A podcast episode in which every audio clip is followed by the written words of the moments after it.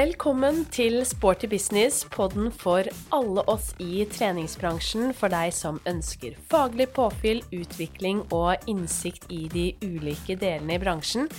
Jeg heter Eva Katrine Thomsen og gleder meg til å gi deg nok en spennende bransjeprat her i Sporty business. Tiden den flyr, og plutselig så er vi jo allerede et godt stykke, eller et lite stykke, ut i november. Det har vært en veldig bra høst for bransjen eh, så langt eh, i høst, vil jeg si, med litt mer normale tilstander, samlingspunkt og events. Og her i Sporty Business så har vi jo hatt besøk av en rekke rekke spennende gjester eh, i løpet av denne sesongen. Sandra Angelil, Tage Flugheim, Mie Line Eriksson, Magnus Fjeller, Cecilia Gustavsson og Trude Størme Vinje. Så har du ikke fått med deg disse episodene, så kan jeg virkelig anbefale det. Så mye inspirasjon og kunnskap fra unike mennesker i bransjen. Og i dag så får du møte enda en spennende bransjeprofil, nemlig Wenche Evertsen, country manager i Sats Norge. Wenche hun er en eh, dame som jeg har hatt lyst til å intervjue veldig lenge. Hun er jo leder for Norges største treningssenterkjede, og det lurer jeg på hvordan er.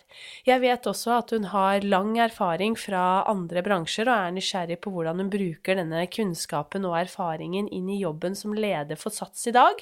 Og ikke minst så er jeg nysgjerrig på å høre mer om hvordan Sats jobber, og ikke minst om hva fremtidsvisjonene til til Sats er.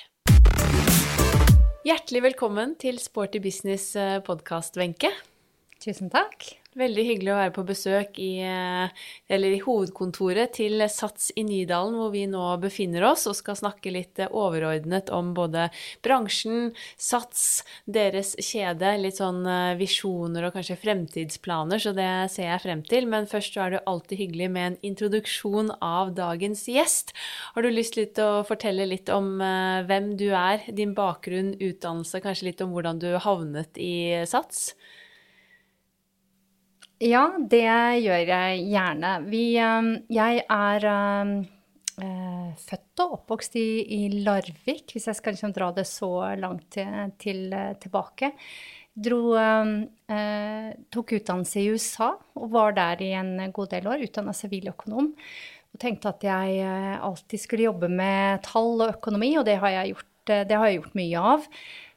Men det ville seg litt annerledes uh, underveis. Når jeg kom tilbake til, uh, til Norge, så, så fikk jeg riktignok min første jobb uh, innen det fagfeltet.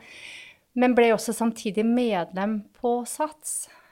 og det var egentlig min inngangsport til treningsbransjen. Og ble forespurt om jeg hadde lyst til å bli instruktør. Ja. Og da Det syns jeg var veldig spennende og veldig gøy. Og, og eh, Så da hoppa jeg på den muligheten der.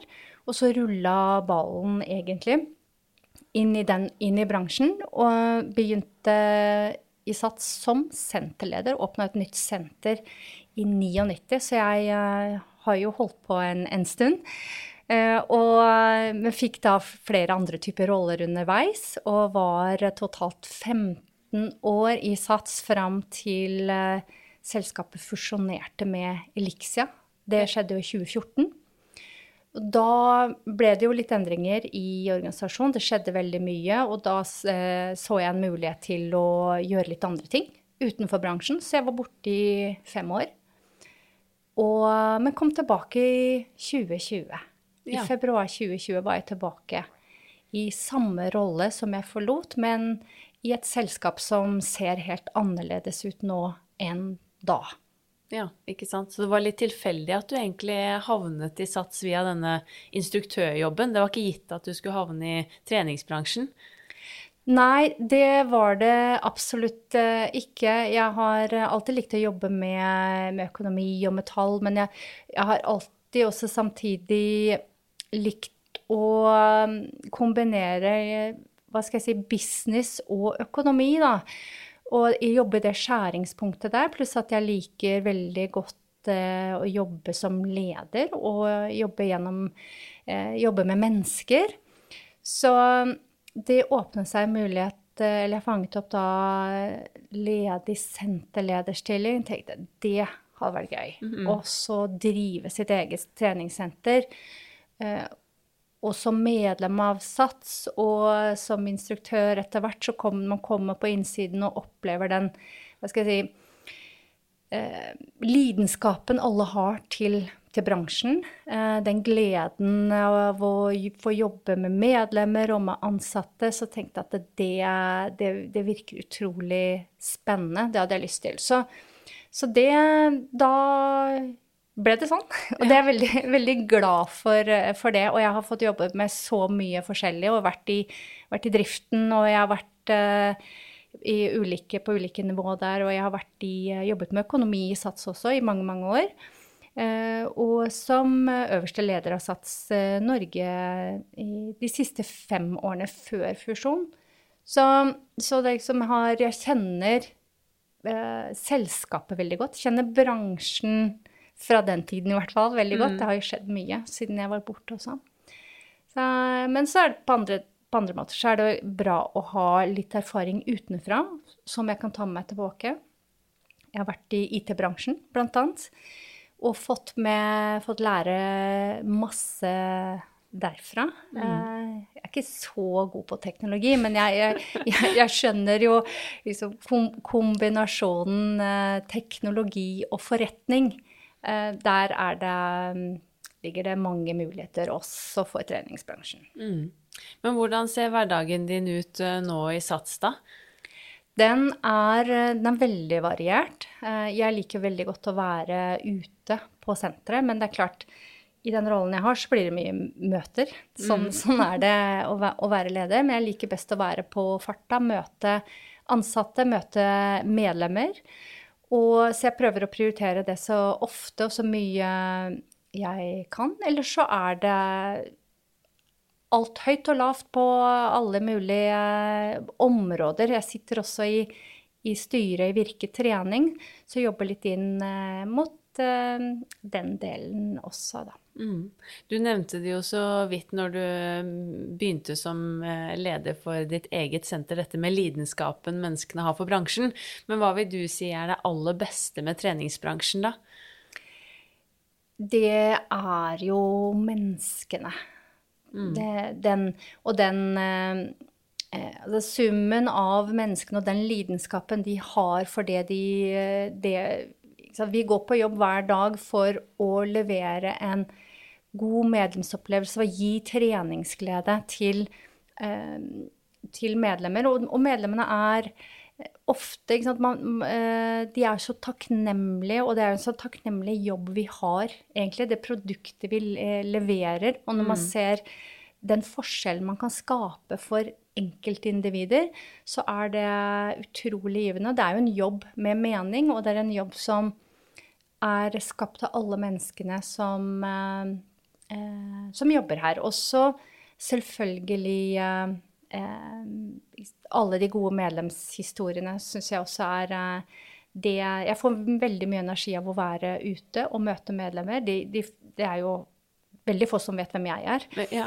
og, og det, det, når jeg er i, Hvis jeg trener selv og er i garderoben og overhører noen samtaler, det er utrolig fascinerende og spennende å, å høre veldig mye eh, skryt av personer og ansatte, hva de har opplevd og hvordan de tenker. Og så er det selvfølgelig noen eh, tilbakemeldinger som ikke er så positive alltid, men alt er, er veldig, veldig verdifull. Så summa summarum så handler det om menneskene, både ansatte og medlemmer. Mm, helt, helt enig.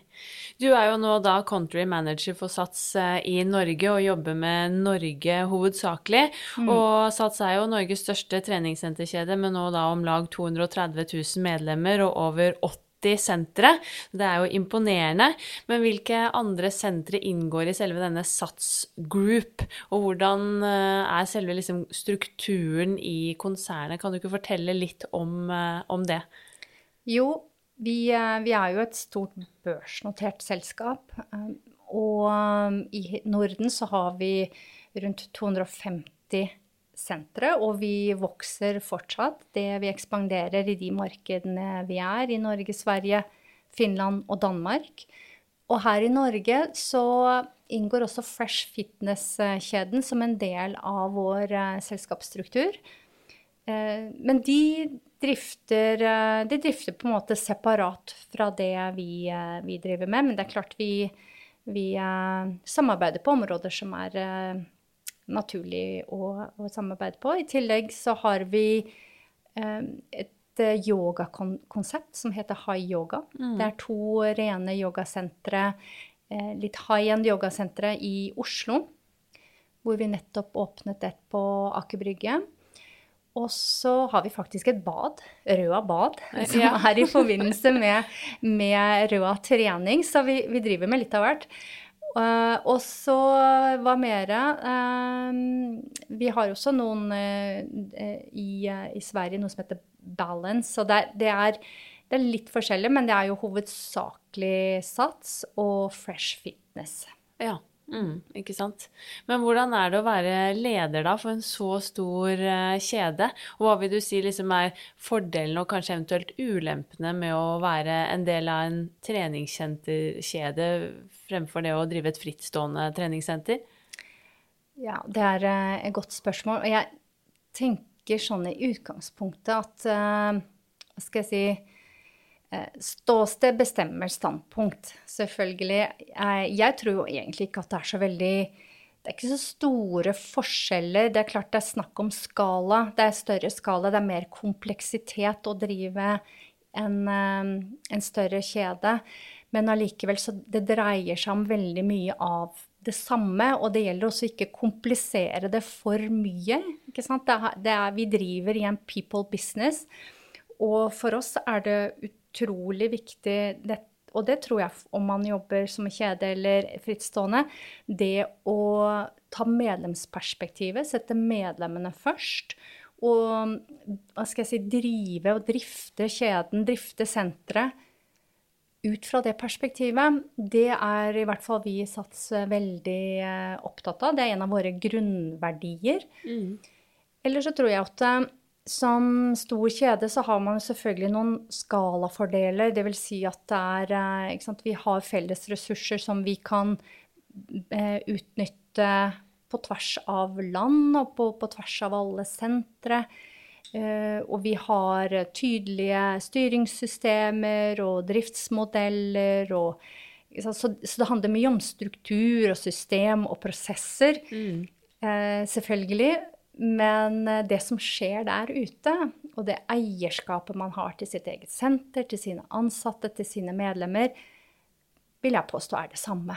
Om mm. man er eh, frittstående eller en, en stor kjede. Og det gjelder også å ikke komme for langt unna. Som jeg nevnte, jeg er opptatt av å være ute på mm. gulvet. Det er der jeg kom fra, og det vil jeg ikke gi slipp på heller. Det, det er fordi hvis uh, de planer, de strategier, de, uh, vi legger kons nye konsepter, nye produkter hvis, hvis, ikke det kommer helt ut, og hvis ikke det treffer medlemmet på den måten vi ønsker, så, så, har det jo egentlig ingen verdi. Og da må du forstå hva som skjer ute, og forstå mm. medlemmene og med, ta medlemsperspektivet.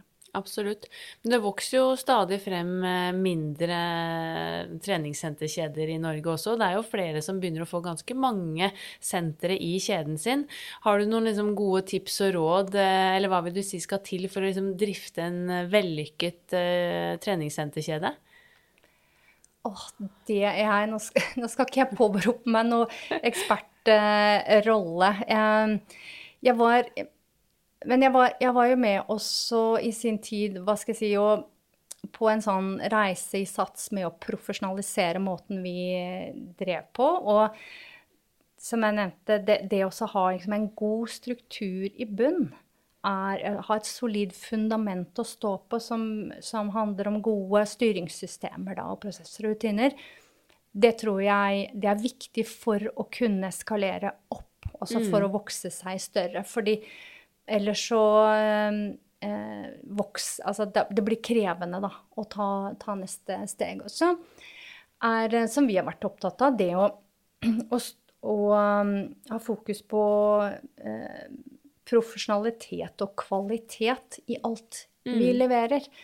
Og det alt fra selvfølgelig produkter og konsepter, men også i hele medlemsreisen og på den digitale siden, på, eh, men også ute i eh, driften, da, at vi eh, man, Jo større man blir, jo større krav stilles det til profesjonalitet og kvalitet. Mm, virkelig. Jeg tenkte bare med tanke på dette med en stor kjede kontra det å drive et frittstående senter, så er det jo noen ganger at man kanskje opplever at når det blir en stor kjede, da ting liksom er litt mer eh, tungrodd. Det tar litt lengre tid å kunne gjøre noen endringer, eller hvis man har noen ideer. Hvordan eh, ser du på det i Sats? Føler du at eh, prosessene går ganske raskt, eller hvordan har sentrene det? Kan de på en måte ta mange egne avgjørelser? Det er eh, et godt spørsmål. og jeg, det, det er klart at eh, det er korte beslutningsveier når man driver et, eh, et, en, et fristående senter. Og sånn skal, det, sånn skal det være. Da er man jo litt høyt og lavt og man jobber i resepsjonen og man sitter og fakt Da gjør man jo litt av alt, ikke sant.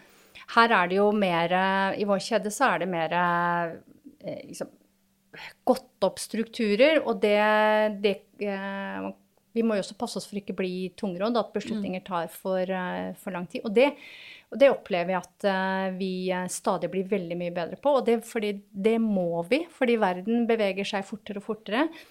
Så vi eh, jobber bl.a. Eh, når vi skal ut i, med nye eh, konsepter, at vi skal, så, så tester vi gjerne. Vi kjører piloter osv. Så, videre, så det betyr jo at sentrene får være med på å teste ut ting. Eh, Og så, og så, men så er det veldig klart, klart definerte rammer. Det, det må vi ha. Eh, sånn at eh, medlemsopplevelsen blir eh, Man skal kjenne seg igjen man kommer inn på et satssenter. Ja. Så, sånn, så det er ikke sant, Vi har vår designmanual, og du, du, sant, er, du vil kjenne igjen blåfargen og vil jo ikke plutselig møte noe helt annet et annet sted. Og det betyr at det er Og de rammene må alle forholde seg til, men innenfor rammene, og hvordan man eh, jobber med personalet, hvordan man jobber ut mot medlemmene, det er klart at der har man eh, stor frihet, og til syvende og sist så handler det om den leveransen som eh, folka gjør ut, altså i, i det daglige, og den forskjellen de gjør, det er eh, det, det aller, aller viktigste. Den eh, leveransen, om det er eh, en PT-time eller en gruppetreningstime, det å komme inn i resepsjon og bli møtt med et trivelig hei og føle seg sett og ivaretatt, det, det er de tingene der som utgjør den viktigste forskjellen. Og det kan du ikke sette i et system. Det må ledes og drives. Og det er jo innenfor det, det området der hvor, hvor um, senterledere eh, driv, eh, Vi forventer jo at de skal drifte sine sentre som de er deres egne. Mm. Og så eh, legger vi til rette med alle rammene og forutsetningene for at de skal lykkes Ja. med det. Mm. Du nevnte jo kvalitet og profesjonalitet som noe av det viktigste som både må liksom ligge i bunn, men også som dere i Sats er svært eh, opptatt av. Hvordan vil du si at dere definerer kvalitet når dere ser på liksom PT-produktet og gruppetreningsproduktet deres? Eh, Kvalitet er jo et vanskelig definisjonsspørsmål. Eh, eh. Altså det, det er jo det er, For det er jo veldig subjektivt. Eh, antar derfor du, du spør også. Eh, Vi har jo heller på en måte ingen Nå har jo kompetansekravene til PT eh, kommet på plass de siste årene, men det finnes jo på en måte ingen felles standard for Nei. gruppetrening eller gruppeinstruktører i landet, så det er jo opp til hver enkelt kjede og hvert enkelt senter å egentlig sette noen kvaliteter og liksom en struktur man jobber etter, og hvordan man ser på kvalitet, og hva man ønsker å levere. Så det er jo mer litt sånn deres tankesats. Mm. Mm. Ja, ikke sant. Og det, der kommer man inn på det, det strukturelle igjen. Da. For det er klart, vi, eh, vi, eh, vi trenger jo og ønsker at medlemsopplevelsen er eh, At man, man møter det samme, da. At man møter den samme kvalitet i leveransen. Så er det selvfølgelig menneskelige forskjeller. Eh, man skal kjenne seg igjen. Så f.eks. på så det handler jo veldig mye om rekrutteringsprosessen, onboardingprosesser, opplæring, videreutvikling og oppfølging. Sånn at vi har veldig tydelig definerte måter å jobbe på rundt det. Og vi eh, f.eks. har auditions både på personlig trenersiden og gruppetrening, selvfølgelig. Så, eh, men så legger vi også da inn altså På gruppetrening så kjører vi et sånt fast definert løp som de må igjennom for å eh, for i hele tatt å begynne som instruktør med basiskunnskapene. Dette kan, mm. du, dette kan du alt om. Eh, så, så, det før man har da en audition så man ser at ok, dette er en bra match, da. Ja, ikke sant. Mm. Du nevnte jo også dette med at det er viktig at når man kommer til SATS, så skal det være den følelsen at det er det samme. Eh, og det har jo blitt stadig mer også da sånn prekoreograferte gruppetimer. Mm. Eh, og det tenkte jeg også jeg hadde lyst til å spørre deg litt rundt. For eh, jeg lurer på liksom hva er strategi, eller hva er grunnen til at dere velger den strategien fremfor å kanskje la instruktørene få lov til å produsere alle produktene eller materialet selv? Eh, liksom fordeler og ulemper med et prekoreografert produkt? For oss er det viktig at vi er både profesjonelle og leverer god kvalitet. Og skal det sies at vi gjør begge deler. Vi har både eh, hva skal jeg si eh, prekoreograferte og ikke, hvor man kan styre både musikk og koreografi selv. Ja. Eh, men så ser vi jo at eh, det, det faktisk de mest populære timene er de prekoreograferte. Ja. Så eh, vi, en god miks av begge deler er det vi, eh, vi tror på. Og så har vi et eh, veldig kompetent og bra master trainer-team som er satt sammen av de beste instruktørene på tvers av alle land, som lager uh, prekoreograferte timer, som f.eks. Cardio Energy, som er en veldig populær time. da. Mm. Det, og det ser vi slår an, og vi ser også at, øh, opplever også at ved instruktører er jo forskjellige mennesker, de òg. Noen øh, liker det prekoreograferte og finner mye trygghet og forutsigbarhet i det, og, trives med den måten å jobbe på, mens andre gjør det ikke, og da har vi øh, tilbud til, til begge. Ja. Så det, det, er litt sånn vinn-vinn, opplever vi da. Så vi vil fortsette å ha en miks av det ja, fremover. Ikke sant. Men når det er prekoreograferte timer, er liksom tanken da at si det er en prekoreografert eh, cardio energy, mm. kommer man da på samme time med samme musikk gjennom hele uken? Er det liksom faste releaser som går på eh, perioder, eller kan man møte ulike timer. For jeg tenker for, eh, fra et kundeperspektiv, og du har lyst til å gå på en type høypulstime da, tre ganger i uken, mm. så vil det jo kanskje være også kjedelig å møte det samme hver gang. Ja, ja. Selvfølgelig. Det er ulike programmer som rulleres hele, hele tiden.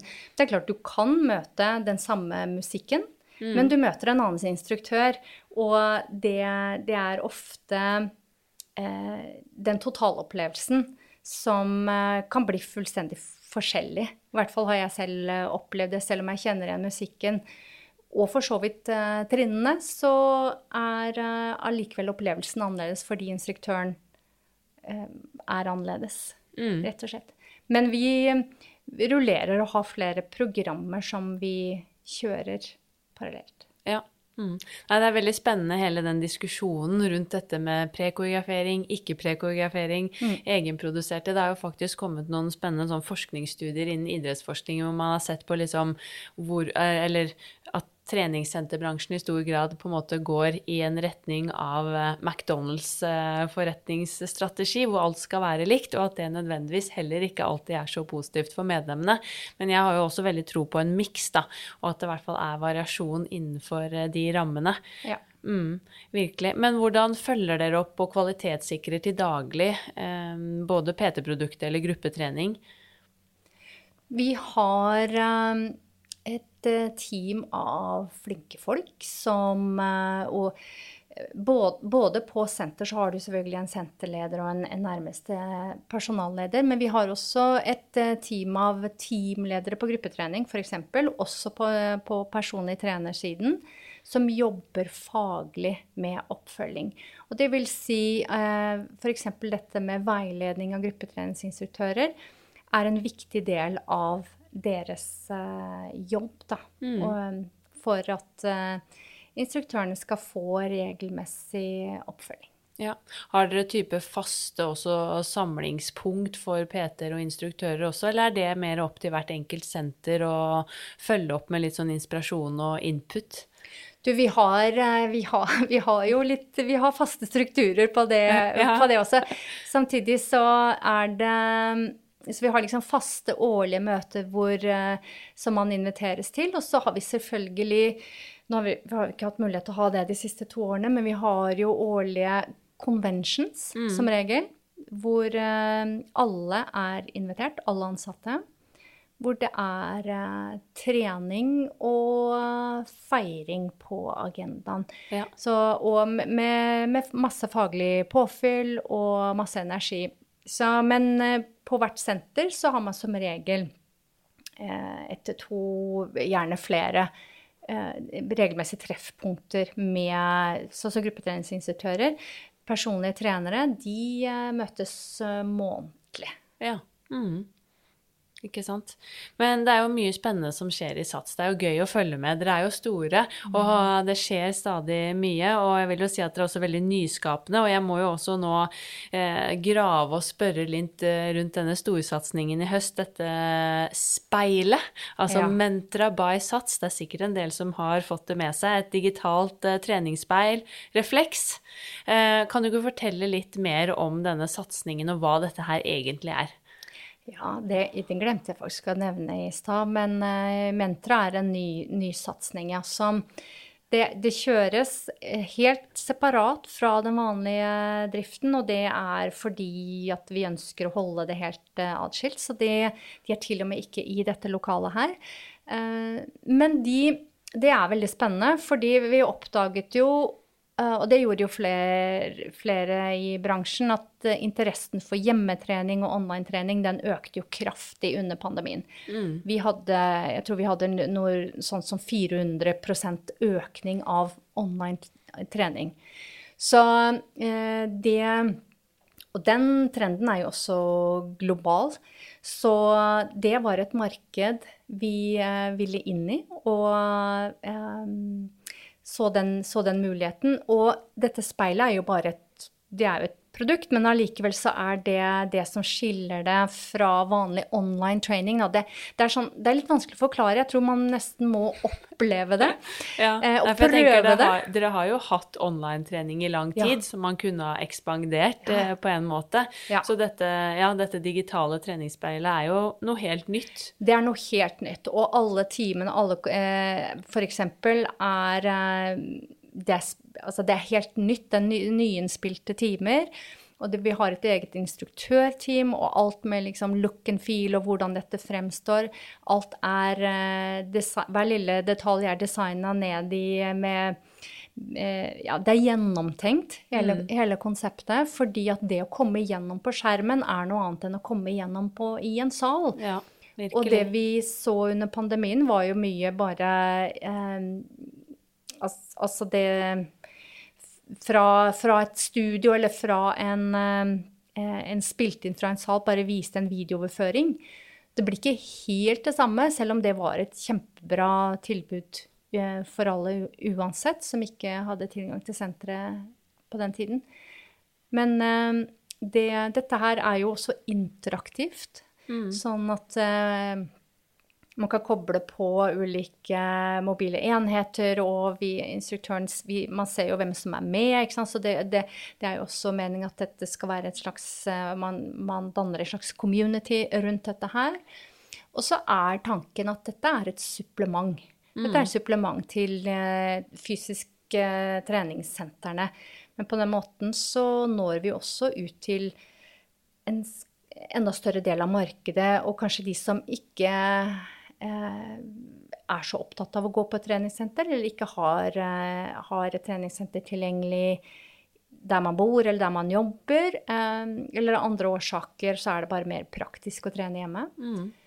Men, så det, det, vi satser jo, og vi jobber jo for at dette er med å utvide markedet Ja. totalt sett. Og vi kan jo Her kan vi treffe hele Norge, hver krik og krok. Ja, ikke sant. Men det er jo Ja, jeg syns det er utrolig spennende med dette speilet, men har du Vet du liksom visjonene deres med dette speilet, og liksom har dere noen eh, mål for den nærmeste fremtiden? For jeg tenker det er jo Det er jo et veldig spennende eh, nysatsing, syns jeg. Eh, og et eh, spennende måte å kunne nå ut til mange på. Samtidig så er jo dette speilet ganske dyrt. Så man skal jo investere i et speil og et abonnement for å kunne få timer. Har dere liksom sett for dere, har dere noen mål i nærmeste fremtid om eh, hvem dere har lyst til å nå, og hvor mange? Vi har selvfølgelig lyst til å, lyst til å nå alle. Så hel, hel, poenget med, med Sats, altså vår visjon, er jo å, at flere folk skal eh, bli friskere og gladere gjennom, gjennom trening. Og da må vi også nå ut til alle der de er.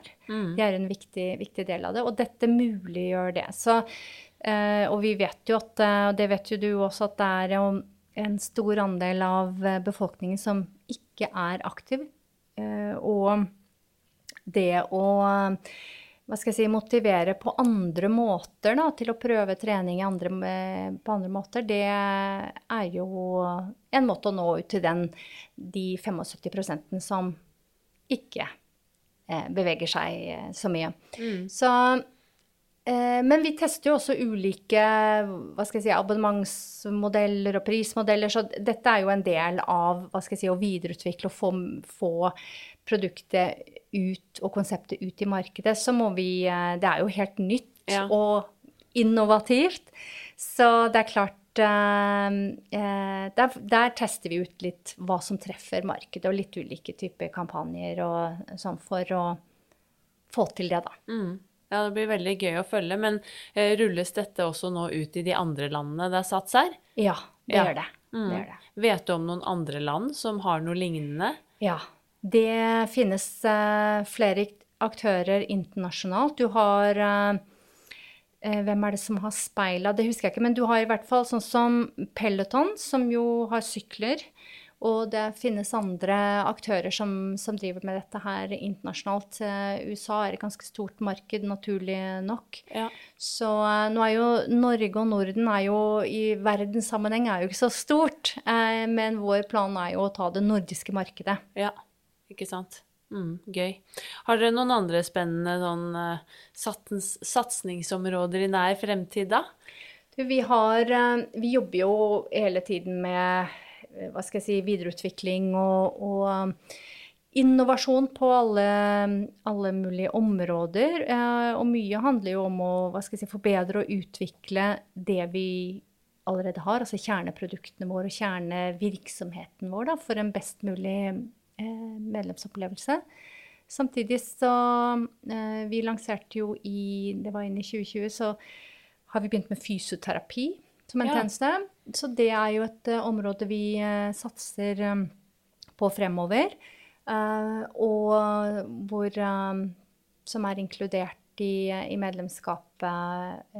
og vi tilbyr det altså det, er, det er ikke overalt på alle sentre, og det kommer det ikke til å bli heller, men, men flere steder, da. Og eh, ja, så det er Det er vel liksom det nyeste som vi, vi går ut med nå. Også selvfølgelig dette high yoga-konseptet også. Eh, Det vil jo heller ikke være noe stor skala på det, men det er eh, også en måte for oss å gå inn i den delen av yogamarkedet på. eh, og drifte det hva skal jeg si, kom, kommersielt og lønnsomt. Da, og med høy kvalitet på, på produktene og på leveransen og på eh, fasiliteter og, og alt. Mm, ja. Det blir gøy å følge alt videre. Men jeg må jo spørre deg også, som også har lang fartstid fra bransjen. eh, Ikke bare liksom eh, i Sats hele veien, men du har jo også vært eh, medlem før du liksom begynte å jobbe i treningsbransjen. Og sånn både fra ditt perspektiv som leder i Sats i dag, men også fra egen erfaring. Hvordan ser du på treningsbransjen i dag? Hva tenker du liksom vi allerede Hva gjør vi svært bra. Og hva tenker du er våre største utfordringer, og hvor har vi liksom størst utviklingspotensial? Jeg tror uh, altså Bransjen har jo tatt uh, store steg i den tiden som uh, jeg har vært, vært, en del av det. Blitt veldig mye mer profesjonell og Si, den har jo konsolidert seg etter hvert også, så du får flere større kjeder. På godt og vondt, sikkert. Men det har i hvert fall skjedd en stor grad av profesjonalisering, og det er jo viktig ut fra et medlemsperspektiv at man får en god kundeopplevelse. Mm. Og så så har Jeg syns jo at bransjen har blitt bedre på å tenke ut fra et medlemsperspektiv. Men jeg syns samtidig at det kanskje er der vi har fortsatt mye å hente. Jeg opplever at det er veldig mye innenfra og ut. Vi pusher våre produkter og eh, tenker istedenfor å, å kanskje ta enda mer Eller gå enda mer inn i, eh, i kundeperspektivet og se på er det, hvordan er det de opplever oss. Altså med, med, kundefeedback. Hva er det vi er gode på, hva er det vi ikke er gode på? Hva, eh, hva, ønsker man, og hva trenger man? Hva er det som skaper en god kundeopplevelse? Da må du forstå eh, det perspektivet. Og det, der syns jeg vi har eh, mye å hente fortsatt. Mm.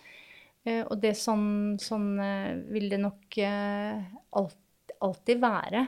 Eh, og så, så, er vel det som de aller fleste som er i bransjen, kanskje er litt frustrert over, det er jo det Hva skal jeg si Det imaget og den, eh, det omdømmet vi fortsatt på noen måter sliter litt med. Ikke ja. sant? Det er eh, det er jo mange som eh, eh, tenker på treningsbransjen som fortsatt eh, gymmet, ikke sant. Mm. Hvor man må være veltrent og og flott og vellykka for å i hele tatt eh, være uh, Komme innenfor dørene. Og det er jo langt fra sannheten, men der, der har vi en, fortsatt en stor jobb å gjøre som, mm. som bransje, og den er, den er, det er komplekst. Eh, og det er krevende eh, arbeid. Eh, det, og det, det, handler jo også om å få anerkjennelse som bransje, og, da, og dette med f.eks. krav til kompetanse og sertifisering og hele den Fortsette det profesjonaliseringsarbeidet er jo en del, er en del av det. Mm. Men det Ja, så jeg tenker at den der er det en, det er en, fortsatt en stor utfordring. Og det, det, merket vi veldig godt til i pandemien, ja. vil jeg si. Mm, eh, kanskje spesielt for de kravene som ble satt til vår bransje, hvor vi ble først stengt ned og sist gjenåpna i første runde. Og jeg og eh, resten av virkestyret, vi, vi var jo involvert i ganske mye dialog med politikere og byråkrater og den eh, manglende kunnskapen om hva vi driver med, og hvordan vi driver, den er enorm. Mm. Så det, det var eh, der eh, vi hadde lyst til å rope høyt veldig mange ganger, men samtidig så er vi Man må jo jobbe litt klokt med ja, ja, ja. dette her også, og påvirke og bearbeide myndighetene så godt man kan. Mm. Jeg tror vi kom et lite stykke videre. Jeg tror det var ingen bransjer som var så flinke mange måter med smittevern som det treningsbransjen var. Uh, og vi fikk Det ga også resultater. Vi, vi har fått mye gode, gode tilbakemeldinger. Mm. Det har vi. Hva vil du si er dine overordnede ønsker for bransjen videre, da? Jeg skulle jo ønske at bransjen sto enda mer samla. Mm i nettopp disse type spørsmålene her. Um, nå sitter jeg jo som sagt i Virke trening styre. Vi representerer ca. en tredjedel av bransjen. Jeg skulle jo ønske at alle var med. Ja. Eh, sammen har vi enda mer makt, hvis jeg kan bruke det, det, ordet. Og vi har så mye å lære av hverandre om man er frittstående eller en stor kjede. Eh, vi, vi, driver med det samme, og vi driver i en, en people business og, eh, og, med de samme ønskene om å levere en eh, Levere god helse og gode treningsopplever til, til folket, som er så utrolig viktig. Mm. Eh, og det da, Men da trenger vi trenger å stå samla. Og i det arbeidet, ikke minst for å eh, hva skal jeg si, heve standarden og, og profesjonaliteten enda, enda, mer. Da. Sånn at eh, omdømmemessig så tar vi eh, noen steg fremover. Mm, helt klart. Jeg tenker En annen ting som er utfordring i bransjen, er jo dette med pris. Både med tanke på pris på senteret, for hva man skal betale for trening, men også dette med lønninger. Altså gruppetreningsinstruktører som jeg jobber for. Vi skulle jo gjerne sett at det var mulig å kunne lønne instruktører bedre. Altså kunne kanskje ha enda bedre vilkår for PT-er. Altså det er jo mange utfordringer der, men spesielt dette med pris er jo litt spennende å, å se på, for den har jo nesten ikke endret seg på mm. veldig mange mange år, sånn med tanke på hva man betaler for å være medlem på et senter. Hva er mm. dine tanker om dette med liksom, prisstruktur, og hvordan kan vi kanskje gjøre noe med det? Det henger jo også sammen med profesjonalitet og kompetanse, men allikevel vi jeg tenker Vi leverer jo et fantastisk godt produkt som eh, vi bør tørre å prissette også. Ja, det, det har du helt uh, rett i. Uh, samtidig så er det jo liksom marked, markedsmekanismene som rår, og ser du på resten av uh, Europa resten av, og globalt, så, så skjer jo mye av det samme i resten av markedet. Det, det, kommer fort aktører som kan levere god kvalitet til en veldig lav pris. Mm. Og nå tjener de kanskje ikke så mye penger, eh, noen av disse her. Eller de har i hvert fall midlene til å, til å hva skal jeg si, eh, tåle å gå med tap i, i noen år, da, fordi de har tunge investorer. Men eh, det er jo bare å se til Sverige, hvor du har tunge kjeder, store kjeder som ekspanderer voldsomt, og de, de leverer det samme. Uh, men til en betydelig lavere pris. Det mm. samme i Danmark. Her i Norge så er prispunktet høyere, men allikevel så ser vi jo at uh, det, det, er uh, Det har, har, ikke beveget seg så veldig mye da, på mange år, og store regionale forskjeller. Mm.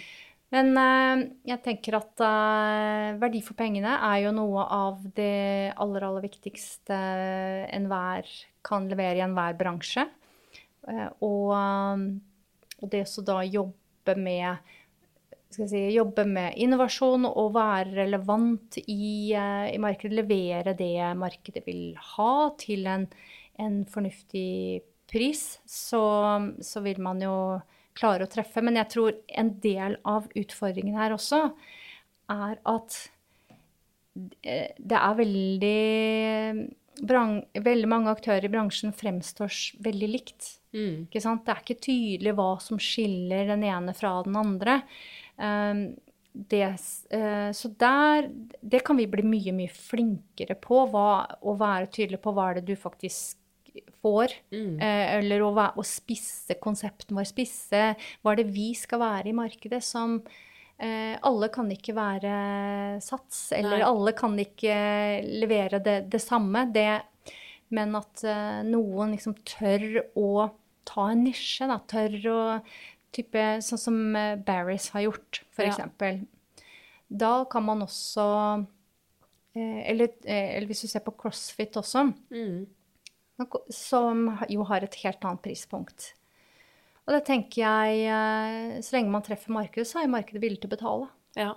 Nei, for det er jo akkurat det du sier, at i dag så vet man jo egentlig ikke Man kan ikke se på prisen og vite hva man får, Nei. egentlig, man, hvis man står der og tenker nå skal jeg melde meg inn på et senter. Ja. Eh, så et vanlig treningssenter i dag kan jo liksom koste alt fra ganske ja, liksom sånn lavpriskjede til et fullservicesenter som er og på en måte tilbyr masse, men du ser det egentlig ikke sånn kjempegodt ut fra prisen. Nei, eh, det, det, er jeg helt eh, enig i. Og vi uh, Jeg syns jo ikke vi er kanskje er gode nok til å gjøre det enkelt for forbrukeren å kjøpe, da.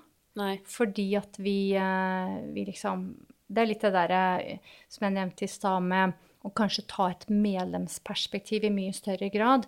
Vi dytter ut, og vi dytter gjerne ut eh, pris eh, veldig ofte, eller veldig mange gjør det.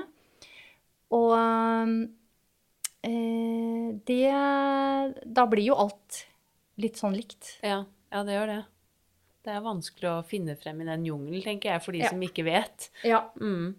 Nei, så der har vi også en jobb å gjøre. Men avslutningsvis så må jeg også spørre deg, da, sånn med tanke på liksom folkehelseperspektivet.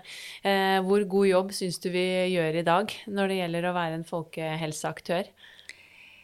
Jeg syns jo at vi er ganske flinke, altså. Så er det klart at vi eh, Det er ikke at vi får den anerkjennelsen vi fortjener, syns jeg. Men vi er, treningssentrene er en veldig viktig arena for veldig mange mennesker. Og det fikk vi merke godt eh, under pandemien. Sats og Fresh Fitness til sammen representerer jo ca. 300 000 medlemmer.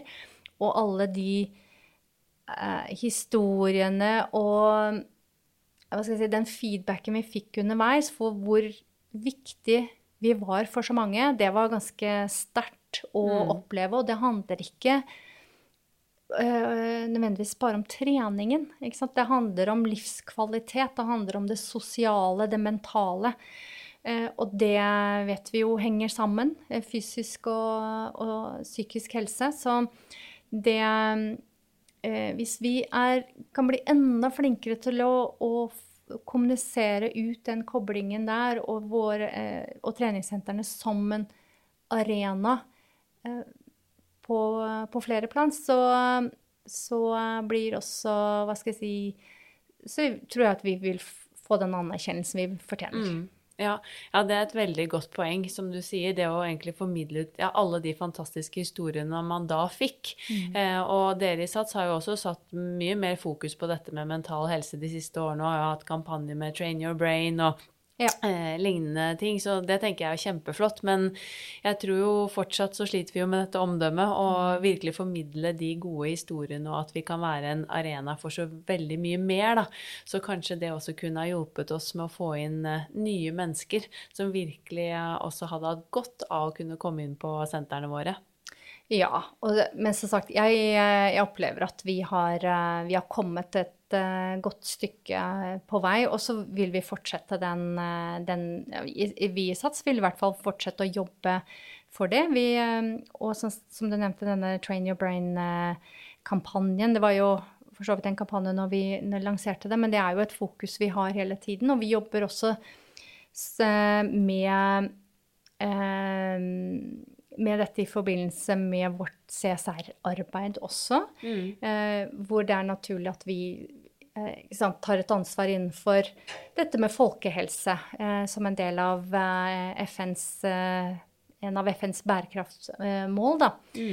Og um, da, da må man selvfølgelig også legge, ikke bare snakke om det eller kommunisere, men må jo faktisk ha, ha ordentlige tiltak rundt det, da. Og det, det tror jeg er en vei å gå for flere i, i bransjen også. Mm, ja. Man må knytte seg opp mot, mot uh, den type aktiviteter. Da. Ja, Ta et tydelig standpunkt. Vi har kommet langt de siste årene, men det er Ja. fortsatt en uh, vei å gå. Men jeg syns vi skal være stolte som helhet i bransjen på hva vi har fått til de siste årene. Det, det syns jeg eh, absolutt. Og min opplevelse etter eh, disse rundene med gjenåpning og nedstenging og dialog med ulike politikere, er jo at eh, de i større og større grad ser at vi er en viktig folkehelseaktør. Og um, for også de får jo masse henvendelser fra, fra publikum. Eh, og eh, i Oslo f.eks. så valgte jo byråden um, Raymond Johansen Det første besøket han gjorde den dagen de gjenåpna Oslo, var jo på Sats i Akersgata. Ja. Det, og det, det var jo interessant. Nå, nå ble jo det større fokus på at han var på en pub seinere på dagen, eller på en re- uterestaurant, men, men nok om det. Altså, han var veldig tydelig på at uh, dette vet jeg at veldig mange har gleda seg til. Og det, eh, det var veldig, veldig godt å, å høre. Så jeg, så jeg, tror vi har fått til noe i, med det påvirkningsarbeidet vi eh, har gjort, og, og, kommer til å fortsette med fremover. Mm. Ja, på mange måter så tror jeg egentlig Altså selv om pandemien har vært Altså vi, vi skulle helst vært foruten, og det har vært eh, kjempetøft for veldig mange i bransjen, og mange har jo mistet liksom levebrødet sitt, og det er jo helt tragisk. Men samtidig så har det også gitt eh, Jeg føler at det har gitt eh, bransjen et lite sånn spark bak. Og det har plutselig blitt mer fokus på liksom standarder og rutiner, og vi har jobbet da enda mer konkret inn mot det å løfte liksom bransjen som folkehelseaktør. Så noe positivt kommer det ut av det også. Ja. Uh, ut av enhver krise så kommer det jo nye muligheter. Sånn, sånn er det bare. Og det gjelder å, for, um, for, oss å forvalte de mulighetene vi har fått, på best mulig måte. Mm. Uh, så det, det er som jeg nevnte i, stad, at um, jeg tror ikke det er noen bransje som er um, har vært så flinke som det treningsbransjen har vært når de kommer til smittevern gjennom pandemien. Og vi som har hatt veldig mange besøk, har også hatt mye bistått i veldig mange smittesporingssaker. Og, og det, det, er også den feedbacken vi har fått uh, derfra. Fra, fra, diverse bydels... Uh, altså smittesporingsteam, mm. da. Ikke sant. Så det, og jeg tenker de, de, gode rutinene, godt smittevern, godt renhold og, og god eh, Hva skal jeg si god, eh, Gode retningslinjer eh, i, i, den forbindelse med det er i hvert fall viktig for oss i Sats å holde på videre. Mm, fantastisk. Vi skal eh, runde av, men jeg må jo også høre med deg da, om du har noen tanker om hvem du selv kunne ønske å høre i Sporty Business? Ja, du, det er, det er mange flinke folk der ute. Jeg kunne eh, Jeg har jo litt lyst til å høre fra de som eh, er litt innovative og tenker litt nytt og bryter opp eh, sånn etablerte mønstre. Du har det jo sant, Askeladden har annonsert at de ønsker å, å, å prøve noe nytt. Mm. Og um, Nordic Training har jo også tatt en, en Eh, hva skal jeg si, gjort sin vri inn i bransjen. Ja. Så det er spennende å høre hva de tenker om bransjen. Ikke sant. Mm, supert. Veldig gode tips. Og tusen hjertelig takk for en kjempefin bransjeprat. Og også veldig hyggelig å bli kjent, litt bedre kjent med deg, og ikke minst Sats. Så tusen hjertelig takk for at du tok deg tid. Takk for at jeg fikk komme. Tusen takk for at du lyttet til eh, Sporty business. Håper du satte pris på episoden og lar deg inspirere av en så dyktig og eh, reflektert leder som Wenche. Del gjerne med oss på Instagram hva du synes om episoden, og har du innspill til en ny sesong, så kom gjerne også med det. Så følg oss på at Sporty Business podcast. Bli gjerne med i Facebook-gruppen vår også, Sporty Business. Og så håper jeg at du ser frem til og gleder deg til nok en ny episode om to uker. Ønsker deg en tipp topp uke videre. Vi poddes. Denne podkasten produseres av Inspartum Akademi og North Stories.